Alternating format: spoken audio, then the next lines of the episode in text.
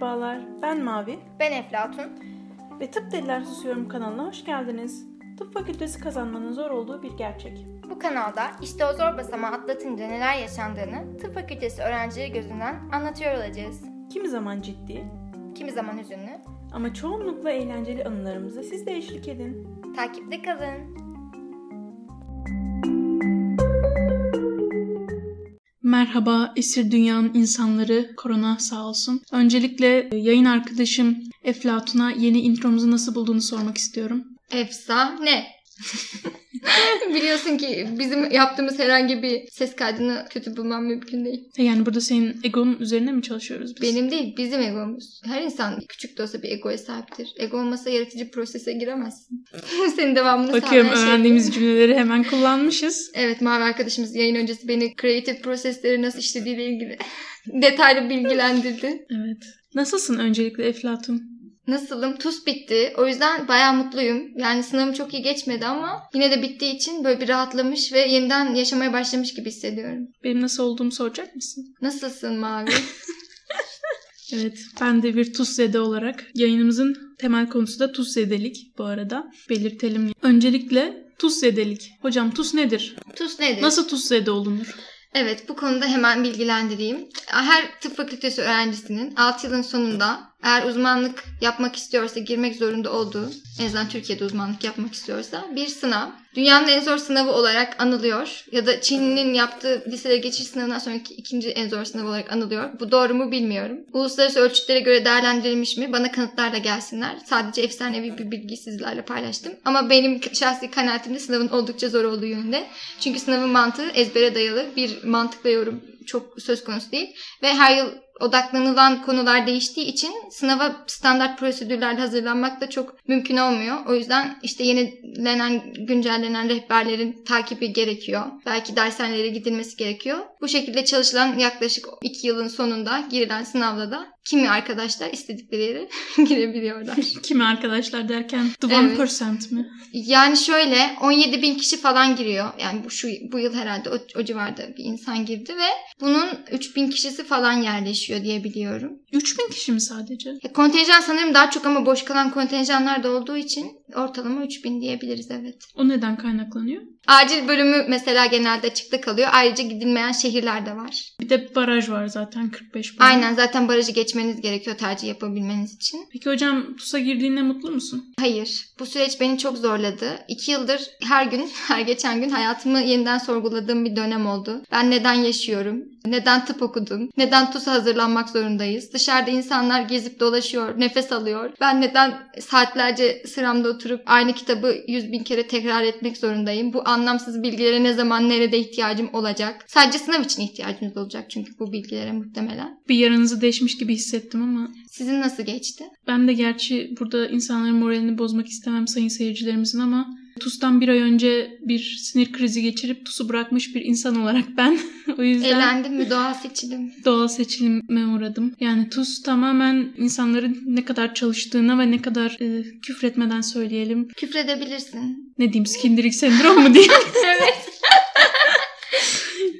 Doktor hayatında sadece bir kere görebileceğin bir vakayı TUS'ta sana 10 kere soruyorlar ve bunu Ya bilmek evet zorundasın. özellikle çok nadir görülen sendromları çok seviyorlar. Sürekli sendrom soruyorlar ve muhtemelen o sendromları görmeyeceğiz. Evet. En yaygın şeyleri sormaktan imtina edip özellikle buraları işte eleyici olsun diye, sorular seçici olsun bilemesinler diye tasarlanmış sorular bütünü. Aslında bu Türkiye'deki sınavların genel olarak yapım hatası. Çünkü tamamen bilgi seviyesini ölçüyor ama kişisel Kabiliyetini kapasiteyi ölçmüyor. Evet. ölçmüyor. Yani ben mesela TUS'ta bir sürü bilgi bilip o sendromların hepsini yazabilirim ama hastayla gidip konuşamıyorsam Ki ne işime yarayacak? öyle de çok doktor var yani iletişim konusunda eksik olan, empati yapamayan. Evet bunu da görüyoruz. Ki bence yani. zaten sınav başlı başına bunu tetikleyen bir şey. Çünkü sen ne bekliyorsun öğrencinin? 2 yıl boyunca oturup günde en az 8 saat tekrar etmesini bekliyorsun. E sürekli kitap okuyan bir insan konuşamayacağı için doğal olarak konuşamayan bir insan haline dönüşüyor. Sınav çalışmak için 2 yıl dedik. Genelde insanlar son 1 yıl çalışır. İnternlük yılıdır o da. Ve bu internlük yılında aynı zamanda öyle bir sınava çalışıyorsan ikisinden birini doğru yapmıyorsun. İkisinden biri yarım kalıyor bence. Evet. Bence internlük yoğun geçen geçirilen fakültelerde TUS'a çalışma oranı da daha düşük oluyor. Ya da işte internler bir şekilde işten kaytarmaya çalışıp kütüphaneye gitmeye çalışıyorlar. Bu da belki öğrenim kalitelerini düşürüyor. Ki be, iki, bir yıl değil iki yıl ortalama. Çünkü dershaneler 5. sınıfta başlıyor ve dershanelerin başlaması da sen de o tempoya girmiş oluyorsun. Hocam bu sinir krizinden bahsettik. Karanlık bir yere girdik. Hemen ortamı şenlendirip bana TUS'la ilgili komik bir anını anlatmanı istiyorum. Şöyle oldu. Komik değil bence bu. Benim açımdan çok üzüldü ama ben e, Şubat gibi de, dershane rehberlikçimizin yanına gittim. Aa, tam onu istiyordum. Evet çünkü netlerim çok düşüktü. Ben de çalışmakta çok zorlanıyordum. Daha doğrusu çalışmak için kendimi ikna etme konusunda. Böyle belli bir hedefim de yoktu. Ya bir şekilde alabildiğim en yüksek puanı almaktı hedefim. Yani çok belirsiz bir hedef. Böyle bir hedef olmaz yani TUS için. Ondan sonra gittim. Zaten moralim çok bozuk çünkü çalışamıyorum. Dershanede böyle hafiften bir gözlerim doldu. O gün canım sıkkın. Sonra neyse dedim geçer herhalde. Bir yüzümü yıkadım. Rehberlikçinin yanına girdim. Sonra o bana dedi ki işte geçen ay ne yaptın? Deneme nasıl geçti? Ben de ona deneme sonuçlarımı gösterdim. O da dedi ki yani bu şekilde hiçbir şey kazanamazsın. Senin günde en az 8 saat oturup çalışman lazım. İşte bana bir program yapmaya başladı. Ben de dedim zaten benim temel sorunum bu. Ben çalışamıyorum. Ondan sonra ağlamaya başladım. Kendimi tutamadım. Gözyaşlarım sel oldu. E zaten bir noktada ağlarken göremezsin ya her şey. Yani gözün suyla dolar. Bulanıklaşınca hiçbir şey göremiyorum zaten. Böyle nerede olduğumu falan kaydını kaybettim. Ve rehberlikçi gözlerini gözlerime dikti. Hiçbir şey söylemeden öylece baktı. Sonra gözünü daha doğrusu kafasını önüne eğip dedi ki yani bırak perifer tıp fakültesindeki insanlar senin gitmek istemeyeceğin yerlere gitsinler. Sen işte Cerrahpaşa mezunusun. Senin daha iyi yerlere gitmen lazım. Çalışman lazım dedi. Ben daha çok ağlamaya başladım. Çok e, empati yapan bir hoca olmamış. Evet. Zaten o günden sonra bir ay hiç çalışmadım. Beni çok kötü çok etkiledi. etkili olmuş o zaman. Çok kötü etkiledi bu durum gerçekten. Yani rehberlikçi de çok empati yoksunu bir insandı. Karşısına ağlayan bir insana söylediği laflar ayrı bir konu. Kaldı ki perifer tıp fakültesi ne demek? Bütün tıp fakülteleri sonuçta bu devleti doktor yetiştiren tıp fakülteleri ve bu şekilde zihninde bir ayrım yapması bile ciddi bir ayrımcılık ve bir noktada faşistlik oluyor. Hocam faşistliğe girmeyelim bence o kadar da değil ama. Ben öyle düşünüyorum. e, evet siz de öyle düşünüyorsanız Instagram'dan bize ulaşabilirsiniz. Neyse sonraki bir ay gerçekten çok kötü geçti benim açımdan. Ee, her gün ağlayarak geçti. Sürekli işte kendimi yürüyüşe verdim. İskender yedim moralim düzelsin diye. Kilo aldım. Daha çok mutsuz oldum. Daha çok ağladım bu şekilde. Yani komik anı istediğime pişman oldum diyebilirim. İşte Çağındırmak da bu taktiği uygulamıyor mu? Herkesi ağlatıp işte akılda kalıcılığı sağlıyor. Sonra yıllar sonra insanlar o filmleri düşünüp mutlu oluyorlar. Ama ben biraz da neşe saçalım istemiştim. Yani sonuçta hepimiz TUS'tan geçiyoruz tıp fakülteleri öğrencileri olarak. Yani %90'ımız diyelim belki yurt dışına gitmek istemiyorsak. Ama bu işin içerisinde bu kadar ciddi bir ortamda bence küçük eğlenebilecek anlar ve anılar bulmak lazım. Senin var mı eğlenceli bir anın? Ben akıl sağlığımı koruyamadığımı zaten belli etmiştim ama yani Yani o zaman tuz ve eğlence bağdaşmıyor. Buradan o sonucu çıkarttım şu an. belki de yıllar sonra yaşadığımız anlara bakıp ne kadar kafayı yediğimizi göreceğiz. Yine eğlenmeyeceğiz. Ama o zaman eğlenebiliriz işte neden yapmışız diye. Yani benim e, genel olarak tuz çalışmayla ilgili anılarım e, klasik ders çalışan öğrenci ne giyer? Pijama, saçlar tepede bir tavus kuşu dağınıklığında toplanmış. Gözlük böyle bir yandan bir yana kaymış bir şekilde. Sabahtan akşama kadar ders çalışır. İşte ben öyleydim bir zamanlar. Ama bunun ne kadar sağlıksız olduğunu da görmüş olduk diyelim. Yıllarımı kaybettim. Evet aslında e, bana baktığımız zaman benim çok TUS'la ilgili eğlenceli bir anım yok. Ama ben burada biraz ortamı hafifletmek için varım. Değil mi? O yüzden e, sizin Eflatun hocam TUS'la ilgili bilgileriniz daha yüksek olduğu için, daha yüce bir bilgi seviyesine sahip olduğunuz için hocam, Usta sayın hocam. Master, Yoda, Eflatun oldum. Aynen öyle. Umarım ironik tonum yansıyordur bilgisayarlara ya da dünyanın her yerindeki ve Amerika'dan bizi dinleyen 5 dinleyicimize. evet hocam sizin TUS'la ilgili bahsetmek istediğiniz bizde neler var? Şimdi biraz nasıl çalışıldığını anlatmak istiyorum ortalama olarak. Yani hedefiniz böyle 65 puan üstüyse genelde 5. sınıfta başlıyorsunuz çalışmaya. Hafta sonları dershaneye gidip kitap dolduruyorsunuz. Kitap doldurmada şöyle bir şey. Hoca diyor ki bunlar TUS'ta çıktı. Bunların çıkma ihtimali çok yüksek. Böyle dediği yerlerin altını sarı fosforlu kaleminizle çiziyorsunuz. Yani kitap doldurma diye bir terim mi var? Evet 5. sınıf böyle geçiyor. Öğrendiğin şeyi anlamaya çalışmıyor musun? Hayır. Zaten TUS'ta anlamaya çalışmak diye bir şey yok. Görsel hafızaya atmak diye bir şey var. Oku geç, oku geç. Anlamana gerek yok. Oku geç, oku geç. Bir saatlik dersin sonunda 10 dakikalık teneffüs olur dershanede. Yani bir kahveyi anca içebilirsiniz zaten. Onda da bitiremezsiniz çoğu zaman. TUS'la ilgili bir komik anım hemen canlandı ve bunu paylaşmak istiyorum. 5. sınıfta TUS dersleri başladığında hafta sonu biyokimya vardı. Bu kitap doldurma bahsettiğiniz şey hocam aynen. Ben de büyük bir heyecanla çantamı hazırladım. Kitaplarımı koydum, markerlarımı koydum ve dershaneye gittim. Sıradan da şöyle önlüce bir yere oturdum. Ve tabii ki de sınıfta tek bizim fakülteden olan insanın yanına oturmuşum bilmeden. O da ayrı bir konu. Neyse gün başladı, ders başladı. Bir baktım bugün bitmiyor. Ders bitmiyor. Arada 10 dakika ara var ama gün bitmedi bir türlü. Sabahın 8.30'unda gelmişim ben. Saat 12 olmuş. Bir saat yemek arası vermişim. Ondan sonra bitmedi gün. Saat 6.30'a kadar durduk. Neyse dedim belki yarın daha güzel olur. Yarın ondan sonraki günde gittim. Hala devam ediyoruz. Sonsuza kadar bugün bitecek. Saatler Bitmeyecekmiş gibi geçiyor, duruyor. dersler bitmiyor. Ve olay şu ki aynen sizin bahsettiğiniz kitap doldurma olduğu için anladığımı hissetmiyorum hiçbir şeyi. Bir anda bana 3 yılda öğrendiğim bilgiyi 2 günde verdiği için hoca hiçbir şey anlamadım. Sonra eve gittim kitaplara baktım ve dedim ki ben yokum arkadaşlar. Eğlendiğin gün o gün. Elendiğim gün ilk TUS dershanesine gittiğim gündü. Ondan sonra da canlı derslere gitmeyi bıraktım ve tamamen online gittim. 1.5 hızla, 1.80 hızla dinledim ve gayet de mutluyum Aslında hayatımdan. evet ben de sonradan pişman oldum o direkt dershaneye gittim dersler için. Çok yorucu oluyor çünkü. Bizim mesela biyokimya dersimiz oldukça geç saatlerde bitmişti. Gece 11'e doğru. Düşünsene sabah 9'dan gece 11'e kadar aralıksız ders dinledik. 10 dakika teneffüs 50 dakika ders. Ve o süreçte oturuyorsun yani. Hiçbir Ve insan... senin insan olduğunu düşünüyorlar. Yani ben anlamıyorum. Hocaları da anlamıyorum. Nasıl o kadar aralıksız ders anlatabiliyor? Ama hocalar çok enerjik değil mi? Yani bir komedyen havası var ben hocalarda onu hissediyorum. Böyle sahnede sürekli hareket ediyorlar. Enerji içeceği içiyor olabilirler. Bilmiyorum amfetamin bir de kullanıyor olabilir. Ee, Kim bilir? tıp hocası desteğimizi kaybetmemek için programda burayı kırmızı line'la çiziyorum hocam. Aman onlardan gelecek destek gelmez olsun.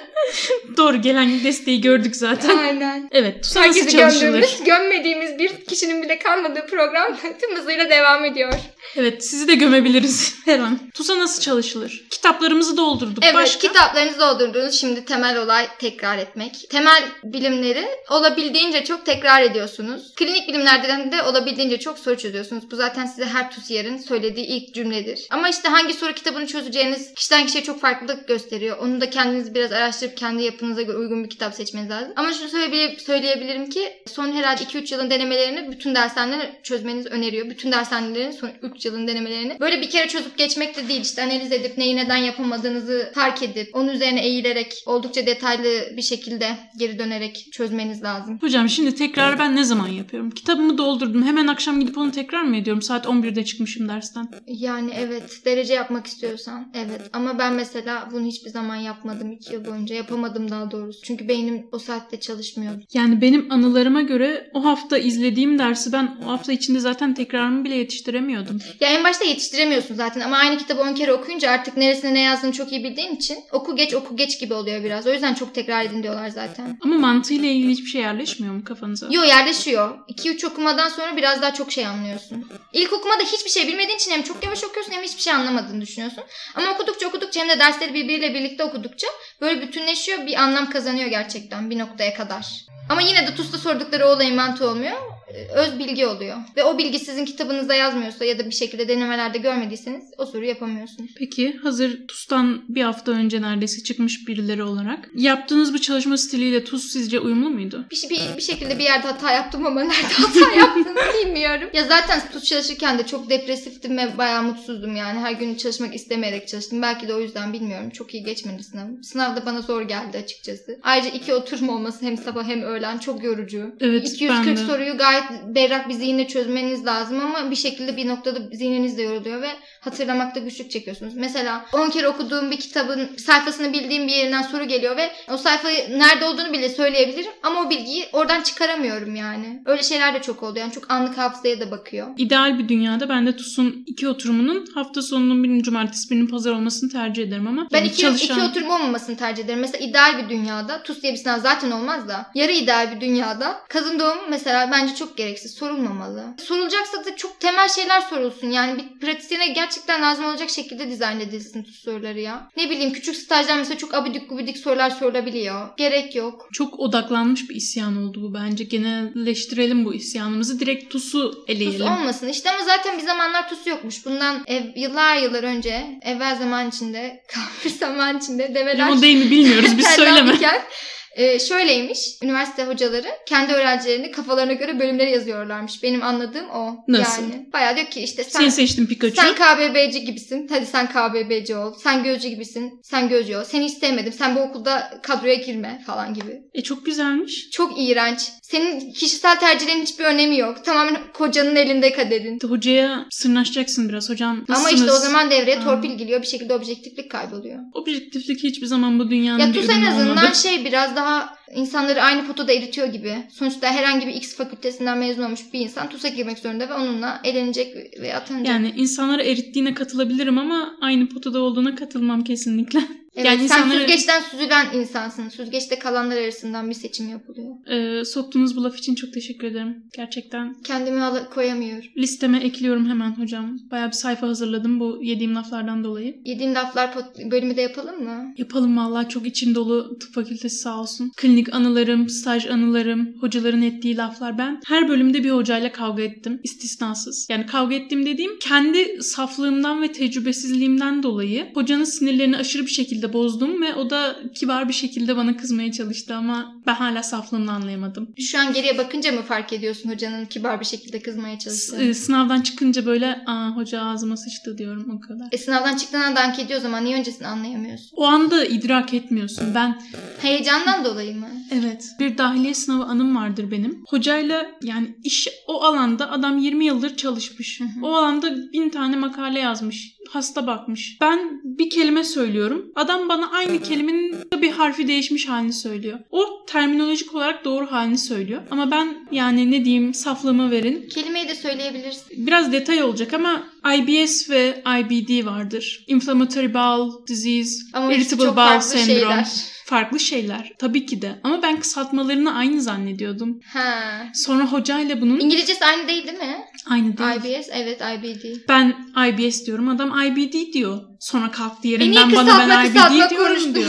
uzun uzun konuşsaydın. Adam en sonunda dedi ki irritable bowel disease dedi. Ben de dedim ki irritable bowel syndrome. Böyle. Biraz detay oldu ama oradan e, sağ olsun iki tane hoca girer her zaman sınava. Hı hı. Bir tanesi iyi huylu olur, bir tanesi de kötü huylu olur. Bunlar birbirlerini dengelemek için vardır Yin ve dünyada. yang gibi. Evet. Benin ve Malin denir E peki mesela kim belirliyor kimin iyi huylu kimin kötü huylu? Nasıl denk getiriyorlar ikisini? Kendileri biliyorlar biliyor musun? Hoca söylemişti. Ben Malin huylu olduğum için benim yanıma her zaman iyi huylu bir tane hoca veriyorlar demişti. Bir tane dahili hocamız. Hmm, tamam. Neyse konuya Ya gelirse. düşünsene sen, sana malin olduğunu söyleniyor ve sen malin olduğunu biliyorsun ve malin olmaya devam ediyorsun. Hayır adam Malin olmakla zevk alıyor. Okey. Sadistlik evre 4. Neyse. Sınav alanında bulunan Benin hocamız diğer hocayı sakinleştirerek demişti ki Hadi çok çalışmış, kahve için." uykusuz kalmıştır arkadaşımız biliyordur elbette ki ben çalışmamıştım uykusuz da değil. Ayrı bir şeydi.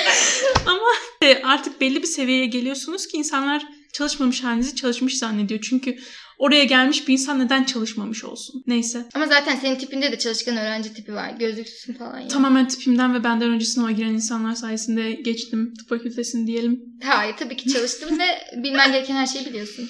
Yok ben kendimi ezmeyi severim. Bu da bir defens mekanizm. Az önce de ben seni eziyorum diye burada Ben kendimi yaktın. ezebilirim hocam. Siz ezemezsiniz. Lütfen. Tamam. Terbiyenizi Fakir ama takının. gururlu. Okey. Fakir? Allah'ım. Neyse tuz konusuna geri dönelim. Senin eğlenme sürecinden biraz daha bahsetmek istiyorum. Sen neler yaşadın bu yıl? Arkadaşların tuz çalışıyordu. Hepsini gördün. Oh iyi ki çalışmıyorum mu dedin içinden. Yok, Yoksa ben de- onlar son, son- günün sonunda gülecekler ben ağlayacağım diye mi düşündün? Şimdi şöyle ben de tutulmaya çalıştım zaten. Son bir aya kadar tuz çalışıyordum. Deneme çözüyordum. Kitaplarımı bitirdim. TTS'leri iki kere sıfırdan çözdüm. Sağ olsun e, muhteşem şansımla TTS'leri bir tane çekilişten kazanmıştım. O yüzden elimde fazladan TTS vardı ve bunları da tekrar tekrar çözdüm. Neyse. Mavi arkadaşımızın dershaneyi de bedava kazandığını çekilişten belirtmek isterim. Evet %100 burslu. Sırf yemek veriyorlar diye gittiğim toplantıda dershane kazanmıştım. Bunu da belirtelim. Mavinin şansı. Nasıl kıskançlığını görseniz şu an var ya çok mutlu olurdum arkadaşlar Hayır ama bu kıskançlık değil bu imrenme. kırmızı oldu tamamen. Eflatun arkadaşımız biraz da mora çevirdi ama bakalım Eflatun'a yaklaşacak. Neyse. Yani çalışıyordum ben. Devam ediyordum. Her yere götürüyordum kitaplarımı falan. Aa, Ailecek Abant'a tatile gitmiştik ve yanımda dahiliye TTS'sini götürmüştüm bunu tekrar edeceğim diye. Millet dışarıda gel bisiklete binelim. Ben kenarda oturmuşum açık havada ne güzel ders çalışılıyor diyordum. Sonra aradan biraz zaman geçti ve bende dürtükleyici ne diyeyim düşünceler oluşmaya başladı ve TUS'un bunu beslediğini fark ettim. Yani o çalışma yönteminin Dürtükleyici düşünce ne demek? yani ne bileyim kafamı duvarlara vurmak istiyorum yeter artık tarzında. Hı hı. Böyle biraz karanlık kısmına geri dönelim podcast'in. Ama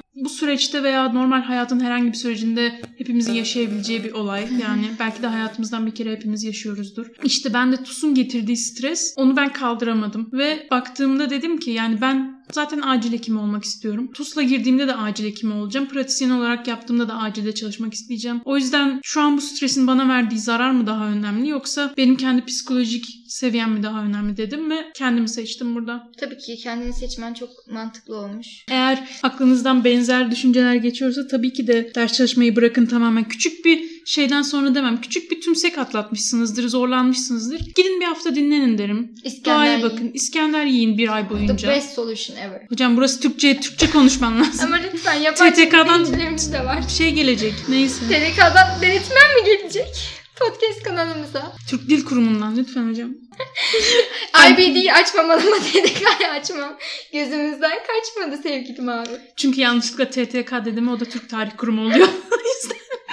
İşte kısaltmalarla ilgili çok kötü anılarım var. Neyse konumuzu dağıtmadan gelirsek. Peki sence neden TUS insanları bu kadar e, yıpratıyor? Acaba biz mi çok güçsüzüz yoksa TUS mu çok buldozer gibi? Yani açıkçası TUS'un getirdiği rekabet ortamı kötü olan burada. Etrafınızdaki herkes kaç yıldır ders çalışıyor. Sürekli kütüphanede yaşayıp orada biten insanlar sabah 8'inde girip 11'de çıkan. Yani siz oraya öğlen 10'da geldiğinizde bir şey oluyorsunuz. Zaten dolu herkes orada ders çalışıyor. E ben o zaman Ben 2 zaten saat eğlendim. kaybettim. Evet. Hani Bir şey lafları vardı işte internler sonda takarak çalışıyormuş. Onu duydun mu? neredeki TUS'a. internler? Cerrahpaşa internleri. Tu- tuvalette vakit kaybetmemek için. Hocam ne yaptın sen öyle? Ben öyle bir şey duydum ama şahit olmadım. Bilmiyorum. İnşallah Belki öyle bir şey yoktur yaşanmıştır. TUS çalışırken ölenler var. DVT atan bir kız vardı galiba. Evet. Hatta bazı vaka soruları öyle başlıyor. 15 saattir ders çalışan TUS öğrencisi bilmem kim sağ bacağında şişlik, kızarıklık şikayetiyle merkezimize başvurdu. Evet şu an yayınımıza katılan bir tane e, Misafirimiz sinek var. Misafirimiz var. Eğer vızıltı duyuyorsanız odur. Küçük bir teknik arayla arkadaşımızdan kurtuluyoruz. Evet parmaktan sonra tekrar birlikteyiz. Bir Mehmet Ali Erbil repliği yapmazsam olmaz yani. Hayatım onunla geçti. Arılar pırpır etmez onun adı vız vız. Hemen bunu araya entegre etmen çok beni mutlu etti. Hiçbir kontekst olmadan, hiçbir dürtü ve belirti olmadan bunu sokman. Sayın Eflatun. Tercih meselesi. meselesi. Evet. Bunlar hep tercih meselesi. En son parmaktan önce tuz mu zor yoksa biz mi salağız diyorduk. İradesiz miyiz? Salağız değil de. Salağız da biraz düşünüyorum bunu zaman zaman. Arkadaşlarım başarılı ben niye başarısızım diye düşünüyorum. Evet. En azından tuz konusunda. Açıkçası benim gördüğüm TUS'un etrafında oluşmuş toksik bir ortam var diyorum. Bunu sadece biraz şey oldu aslında. Ben elendim o yüzden geri kalan herkes kötü. Saydır saydırabildiğin kadar. Ya ama sonuçta onun bakış açısından da ben çalışıyorum. İşte çalıştığım kadarını yapacağım ve istediğim yere gireceğim. Onun da mantığı bu yani. Hedeflediği yere girmek onun için çok önemli. Aslında şu an değişik bir yer aklıma geldi. TUS çalışmak evet çok büyük bir olay oldu ama insanlar neden TUS çalışıyor? O da büyük bir olay bahsetmemiz gereken ve asıl neden çalıştıkları da dermatolojidir, gözdür, böyle FTR'dir. Daha çok hastalarla sık sık münasip olmayacakları, nöbet tutmayacakları bölümlere gitmek istiyor insanlar ve onlara doğru bir revaç var. O yüzden de o bölümlerin puanları yükseldikçe insanların Çalışmakları gereken sürede artıyor orantılı olarak. evet cümlemi tamamladığınız için çok teşekkür ederim. Nereye gideceğimi bir yakalayamamıştım. Tam güzel oldu. Şu an ironi mi yapıyorsun, gerçek mi konuşuyorsun anlamıyorum. İrono yapmıyorum kesinlikle. evet ironi olduğunu hemen belirtelim yine TTK'dan gelmesinler. Eminim dinleniyoruzdur. Biraz daha dikkatli konuşsak keşke. Küfür de ettik. Sen zorla ettirdin bana küfür. Ben yoksa ne kadar nezih ve sakin bir insanım. Yani şu ses tonundan başka ne beklersiniz? Nezih Ama ve dedik sakinsin. Az önce de Sikim Sonic mi dedin? Sikim dedik dedin. Lütfen bu tıpta sorulan sendromlar için bir deyimdir. Her yerde kullanılan. Peki hocam. Evet hocam. Bu insanlar artık daha rahat bölümlere gitmek istiyor ve bu bölümlerin puanı gittikçe yükseliyor. Çünkü daha çok insan bu bölümlere gitmek için çalışıyor ve rekabet artıyor. Ve her üniversitelerin belli sayıda kontenjanı var. Yani herkes istediği yere gidemiyor. Yani mesela bir kontenjan açsa ve oraya TUS birincisi gitse TUS ikincisi oraya gidemiyor. Ve bunun yaşanmış örneği de var bizim Evet. okulda. TUS zor ve bunun aslında bizim elimizden gelen bir nedeni yok. Nöbet sayılarının fazla olması çok yani abes bir durum. 36 saat nöbet diye bir kavram var Türkiye'de. Bu konuyla ilgili birçok dilekçe yazıldı, bakanlığa itirazlarda bulunuldu ama hala devam ediyor. 36 saat nöbet, ne demek? 24 saat hastanede duruyorsunuz. Ertesi günde mesai saatleri içerisinde hastanede bulunuyorsunuz. Yaklaşık 36 saate tekabül ediyor. Hani mesela bazı branşlarda örneğin cerrahi, genel cerrahi, çocuk cerrahisi bu branşlar 15 nöbetle başlıyorlar. 15 nö- nöbet demek gün aşırı hastanede yatıyorsunuz demek. E, bu insanların özel hayatı yok. Hastane dışında herhangi bir yaşamı yok. Çok yorgun bir hayat ve o halde hasta bakıp hastalara en iyi hizmeti vermeye çalışıyorlar. Yani verdikleri hizmetin kalitesi de işte bence o noktada tartışılır. Aldıkları eğitimin kalitesi de tartışılır diye düşünüyorum. İnsanlar da bunu yaşamamak için bunu yaşamayacakları nöbetsiz bölümlere gitmek istiyorlar. O yüzden de deli gibi tuz çalışıp tuz puanlarını yükseltiyorlar. Bu konuda da aslında onların da tabii ki de hakları var istediği Evet. şekilde oraya gitmeye. Çünkü hiç kimse gün aşırı nöbet tutmak, 36 saat nöbet tutmak istemez. Bu da biraz ülkemizdeki tıp sistemiyle alakalı bir sorun ama konumuza geri dönecek olursak Yani en azından nöbet ertesi izin her yerde olmalı yani. Hiçbir şey sağlamıyorsanız bunu sağlayın. hocam propagandanızı alın ve başka bir yere gidin. tuz konuşmaya geldik ve tuz konuşacağız. Tamam. Tabii bu benim de katılmadığım anlamına gelmiyor. Sonuçta ben de doktorum ve nöbet tutacağım 36 saat. İşin şakasındayız her zaman. Hocam şimdi TUS'tan bahsettik. TUS zor dedik. Evet. Şimdi TUS şimdi dedim bayağı 10 kere ama neyse. Bir daha şimdi de öyle başladık bunu. Şimdi TUS kazandık. Evet. Tamam güzel istediğimiz bölüme gittik. Ama oraya gitmeden önce yerleşmeden önce pratisyenlik yapmak durumundayız. Evet. Bir, bir buçuk iki ay boyunca. Bizim durumumuzda en azından öyle. Evet büyük bir çoğunlukla yeni mezunların durumu da böyle oluyor. Hocam pratisyenlik hakkında ne düşünüyorsun? Ömür boyunca pratisyen kalmak hakkında mı? Bir buçuk ay ya da iki ay pratisyen olarak çalışmak hakkında mı? Ne düşünüyorum? Ben daha çok yeni mezun ve pratisyenliğe adım atacak bir birey olarak nasıl hissediyorsun kendini hazır hissediyor Ha, musun okey. diyorum. Ee, hayır. tamam o zaman burada bitirebiliriz güzel. Ya tabii ki heyecanlıyım. Çalışmaya başlayacağız sonuçta. Kaç yıldır öğrenciyiz artık. Ben de çalışma hayatı nasıl bir şey olduğunu yaşamak, deneyimlemek istiyorum. Ee, ama sonuçta yeterince acil vaka tecrübem yok. Artı hiçbir vakada da primer sorumlu ben değildim. Sonuçta hep bir abiye danışma, ablaya danışma durumu vardı. Bir kıdemliye sorma durumu vardı. O yüzden de biraz korkuyorum. Ama alışılır diye düşünüyorum. Sonuçta biz bu işin eğitimini aldık. Ve en acil vakaları aslında nasıl yöneteceğimizi biliyoruz. Sadece de pratikte uygulama eksiğimiz var. Onu da hastanede hasta görerek edinebileceğimizi en kısa sürede düşünüyorum. Sen neler düşünüyorsun? Baktığımız zaman bence pratisyenlik özellikle yeni mezundan pratisyenliğe geçiş yani büyük bir alışma süreci. Evet. Ama benim yani bu dönemle ilgili asıl konuşmak istediğim konu da Covid. Ve Covid döneminde yeni pratisyen olarak işe başlayacak olmamız. Evet. Yani bu açıkçası bana biraz ne diyeyim endişe veriyor. Çünkü eğitim sürecinde salgında başlamış olacağız. Evet ki bazı hastanelerin teknik ekipman yetersizliği de mevcut olduğu için belki de öyle bir hastaneye düşeceğiz ve ciddi sıkıntısını yaşayacağız bunu. Şu andan onu da öngöremiyorum. Evet diyeceğim ama bahsetmek istediğim konuda burada yeni pratisyen olup bir salgına atılmış olma konusunda hepimiz endişeli olabiliriz Evet. ve bu gayet doğal insani bir hissiyat. Evet. Eğer böyle bir hissiyatınız varsa da paylaşabilirsiniz bizlerle. Yani yalnız değilsiniz diyelim. Hepimiz aynı yolun yolcusuyuz. Evet. Bir şey duydum. Herhalde Selçuk Tıp'ta mı bir intern arkadaşımız Covid nedeniyle hayatını kaybetti. E, Ondan sonra bazı fakülteler özellikle intern arkadaşlara immün yetmezlik için e, tarama yapmaya başlamışlar. Ben bunu çok faydalı buldum. Çok güzel bir uygulama. Bütün sağlık çalışanlarına başlatılması gerek. Artık kimlere yapılıyor tam detaylarını bilmiyorum ama Burada daha mantıklı olan uygulama tıp fakültesi öğrencilerini bu süreçte hastaneye sokmamak olurdu bence. Evet ama bir şekilde onlar da mesleğe başlayacaklar bizim gibi. Yani bunu da öğrenmeleri gerektiğini düşünüyorum. Sadece ne olabilir? Covid servislerinde tutulan nöbet sayıları azaltılır ve devir dayım artırılır. Daha çok daha sık öğrenci değişir yani. Bir öğrenci 8 saat kalmasındansa 2 saatte bir öğrenci değişebilir.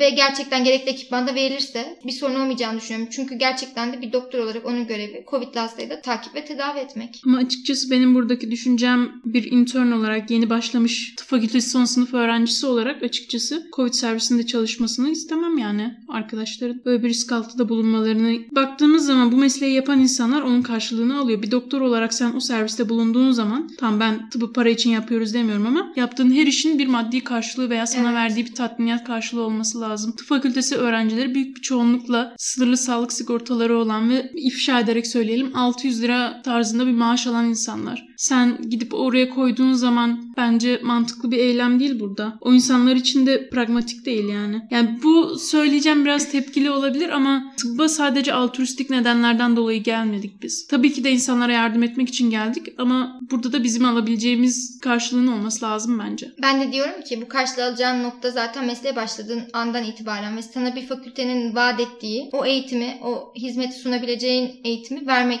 ve intern arkadaşlarını Covid servislere girerek ileride bakacakları Covid'li hastalar nasıl takip edilir konusunda bilgi edineceğini düşünüyorum. Ama hocam Sadece şimdi bunun düzenlenmesi gerektiğini savunuyorum ben. Şu anki hali tabii ki çok yanlış. temel sorun bence tıp fakültelerinde oraya sen öğrenciyi koyduğun zaman onu bu hastayı takip et veya hani bu hastaya yardım et tarzında hani öğren bu hastadan bakalım ne öğreniyorsun gibi işler için kullanmıyorsun. Sen o öğrenciyi git şunun fotokopisini çek, git şu dosyayı arşivden çıkar tarzında böyle çok basit, primer ve dip gereksiz birçok anlamda işler için kullanıyorsun o öğrenciyi. O zaman şöyle toplayalım. İdeal bir, yarı ideal bir dünyada internlerin gerçekten eğitim aldığı, gereksiz tırnak işareti içinde gördüğümüz işleri yaptırmakla kullanılmadıkları bir dünyada Covid servislerinde bulunmaları aslında faydalı. Ama şu anki dünyada aldıkları eğitim yetersiz ve kullanıldıkları görevlerde gereksiz olduğu için, etkisiz olduğu için diyelim. Baktığımız zaman bizim acilde yaptığımız işler kan almaktı. Damar yolu aç, kan al, hastanın.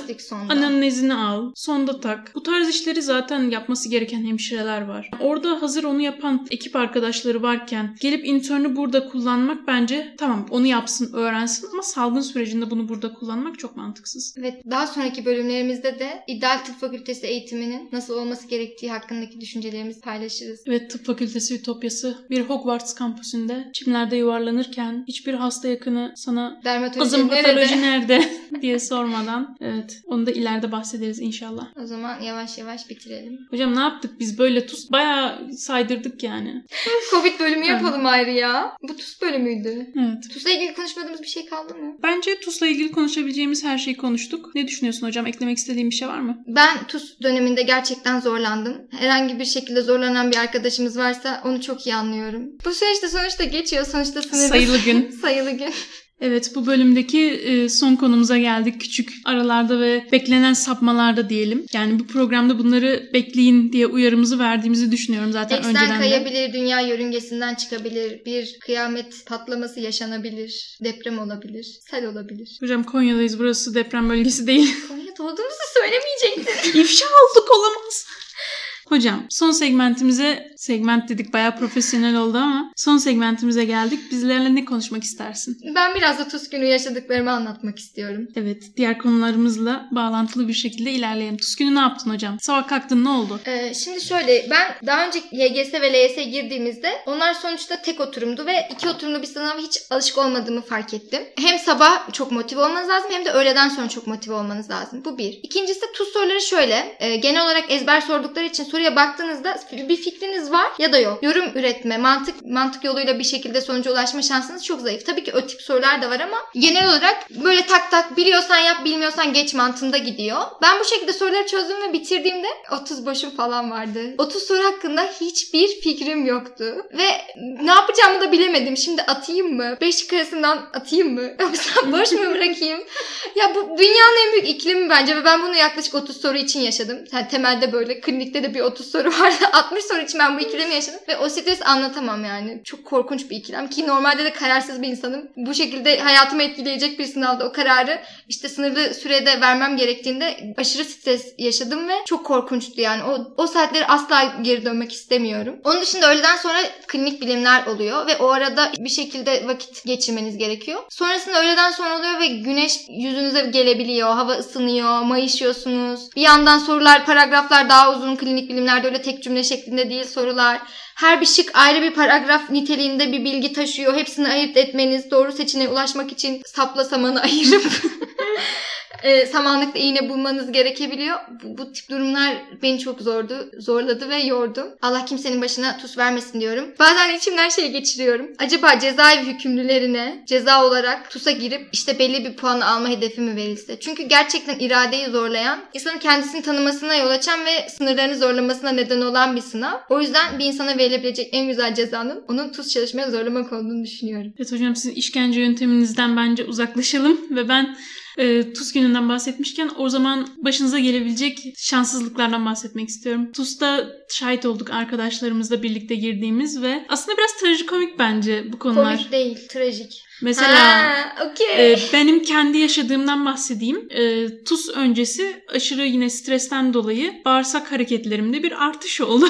Bundan bahsetmeli. Peristaltizm artışı. Peristaltizm artışı evet bilimsel konuşalım. Ve e, bu gayet normal bir tepki TUS'a karşı. Yani stresli bir şeyden önce bunun oluşması gayet normal.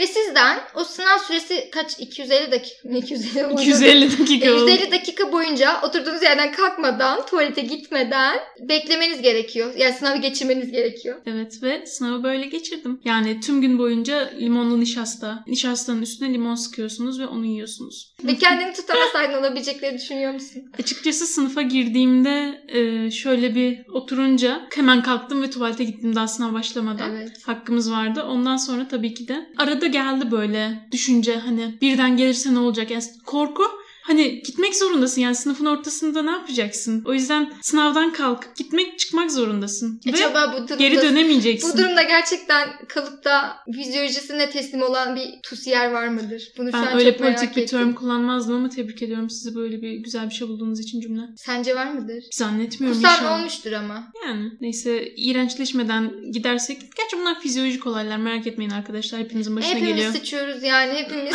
Hocam bu bölümde niye böyle küfürbaz olduk biz? Bilmiyorum TUS'tan sonra post TUS efekt galiba bu. Hayata karşı daha agresif bir saldık sinir galiba. Öyle değil mi ama yani? Hepimiz aynı şeyleri yapıyoruz. Utanmaya Tabii ki de yani değil. asıl bahsetmek istediğim şey böyle olaylar hepimizin başına gelebilir ve gayet normal. Sizin de başınıza gelebilir. Bizim başımıza geldi. Paylaşalım. Ya bir de Dünyada bununla mücadele etmek zorundasın. Yani her şeyi bir kenara bırak. O kadar çalışmak, emek, saatlerce oturmak bunları bir kenara bırak. Ayrıca TUS günü olabildiğiniz en fit halinizde olmanız lazım ya. Ve ya değilseniz o da ayrı bir konu bahsettiğimiz. Hocam senin bahsetmek istediğin bir şey var mı?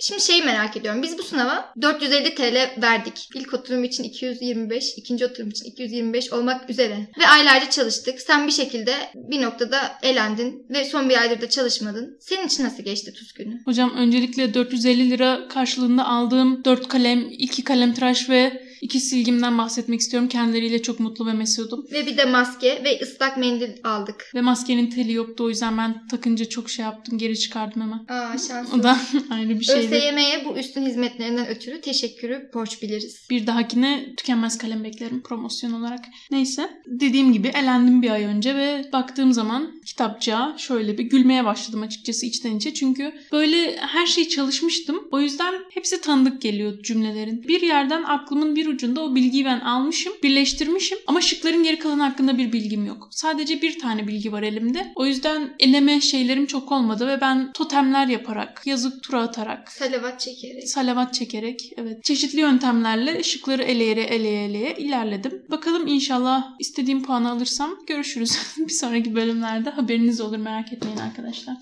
Benim sınava girmede bir primer nedenim o kadar parayı verdikten sonra neden girmeyeyimdi. İkincisi de eğer girip de barajı geçersem zaten ben acil istiyorum demiştim. Yine acil uzmanlığına başlayabilirim. Ama Böyle bir e, alternatifin olsun istedim. Elimde bu alternatif bulunsun bulunabiliyorsa istedim. Bir yandan da eğer acil uzmanlığı oluyorsa ama ben pratisyen olmayı tercih edersem de bunu da çok enteresan bir hayat hikayesi olur diye düşünüyorum. Çok perişan bir halde bana bakan Eflatun'la beraber arkadaşlar bayağı daldan dala atladık. Büyük ihtimalle istediğiniz hiçbir konudan konuşmadık ama eğlendiğinizi umut ediyorum. Gerçi eğlenceli de olmadı ya bu bölüm. Ben düşüncelerimden daha karanlık konuştuk? oldu. Ama konu TUS olduğu için hocam. Evet. Öyle değil midir? Tuz karabasanı. Ruh emici bir tuz. Ve TUS ruh emicisinden sonra inşallah Allah hiç kimseye iki kere bu sınava girmeyi nasip etmez diyelim. Amin. Tek e, nokta Tek atışlarıyla nefeste. tek nefeste kurtarsın. geçmeyi nasip etsin. Evet arkadaşlar ben Mavi Ben Eflatun. Ve bizi dinlediğiniz için teşekkür ederiz. Hoşçakalın. Li li li li li.